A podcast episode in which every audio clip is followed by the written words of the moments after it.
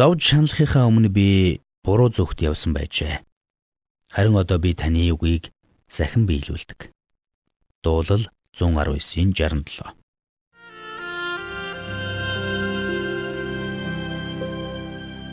Мэргэний сонсог, мэдлэгийн тэлэг. Ухаалх нь мэрэгэн өдөр төмжийг мөн авах. Доктор Харалт цаалогийн мэрэгэн зөвлөмж нэвтрүүлэг.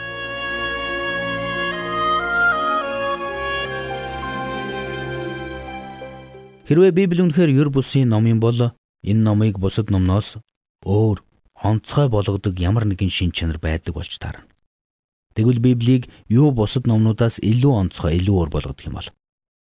Олон зуун жилийн түүхтээ сонгодог зохиолуудаас Библи юугаараа ялгаатай юм бэ? Кембриж их сургуулийн уран зохиолын профессор нэрт орчуулагч Филипс анхандаа Библийн талаар ямар ч эерэг сэтгэгдэлтэй байсангүй. Тэрээр бусад хүмүүсийн нэгэн адил Библийг уншиж судлах, ядаж утга зохиолын үүднээс судалж үзэх оролдлогыг хийж байсангүй. Гэвч шинэ гэрээг өдөр тутмын англи хэл рүү орчуулах ажлыг дааж авснаар түүний Библийг харах хараа бүхэлдээ өөрчлөгдсөн гэдэг. Тэрээр дурсамжийн номонд анхандаа би энэ ажлыг маш дурамжхан хийж эхэлсэн юм аа. Гэвч би сэтгэл хөдлөлөө дарахыг байдгаараа хичээж байсан ч гарт мань байгаа энэ ном улам бүр амьд юм шиг санагдах болсон нь хачирхалтай. Учир нь энэ ном надтай маш онцгой байдлаар яриад байх шиг санагдах болсон. Библийг тодорхойлон хэлэхэд онцгой гэдэг өгч багтана. Учир нь Библийн хуудсан дотроос би өөрийгөө олсон билээ. Харин энэ ном намайг үргэлжлүүлэн ятгсаар зэмлсээр тайтгаруулсаар өдөөсөр байсан юм а хэмээн бичсэн байдаг. Энэ бүхний эцэст Филипс ямар дүгнэлтэнд хүрсэн бэ?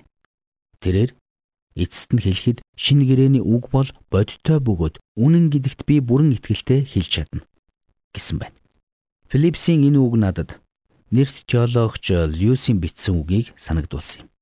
Хэдийгээр тэр Христэд итгэхээс өмнө бурхангүй үзэлтэн байсан ч сайтар эргцүүлэн бодсны эцэс тэрээр Христэд итгэх сонголтыг хийсэн юм.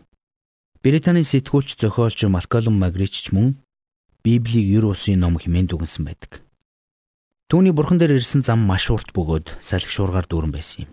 Тэрээр бурхангүй үзэлтэн байсан бөгөөд Христ итгэлийг хинт ч хэрэггүй хог хэмээн үздэг байсан. Гэвч цаг нь ирэхэд тэр үнэнтэй нүүр тулсан юм. Угтаа бол тэр бурхныг олсон гэхээс илүү бурхан түүнийг олсон гэж хэлвэл зохилтой юм. Тэрээр Христэд итгэсэн тухайгаа хожим дурсан бичгтэй.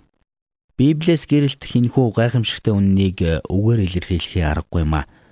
Буянан, Милтон, Блейк болон бусад шилдэг зохиолчдын бүтээлээс бид Библи ямар агуу болохыг олж харж болно. Баахийн хөгжмийгч бид Библигүүгээр төсөөлж чадахгүй шүү дээ хэмээн бичсэн байдаг. Саяхан манай редакцад Канадын Давсон хотоос ирсэн нэгэн загталд нэгэн сонсогч маань инхүү бичсэн байна. Намайг Есүс Христэд итгэж зөв замыг олоход та үнэхээр их тус болсон. Одоогоос 7 жилийн өмнө мэрэгэн зөвлөмж нэвтрүүлгээр дамжуулаад таны өгсөн зөвлөмжийг дагаж Библийн Иохан номыг би анх уншиж байлаа. Тэр цагаас хойш Библийн үнэн миний амьдралыг оронгоор нь өөрчилсөн гэж тэрээр бичсэн байсан. Энэ мэтлэн Библийг ер усын ном гэдгийг амьдралаараа амсаж үтсэн олон хүний гэрчлэлийг бид харж байна. Хэрвээ та анхааралтай уншиж судлвал Библи таны амьдралд ч бас гайхамшигтайгаар нөлөөлөх болно гэдэгт би бүрэн итгэлтэй байна.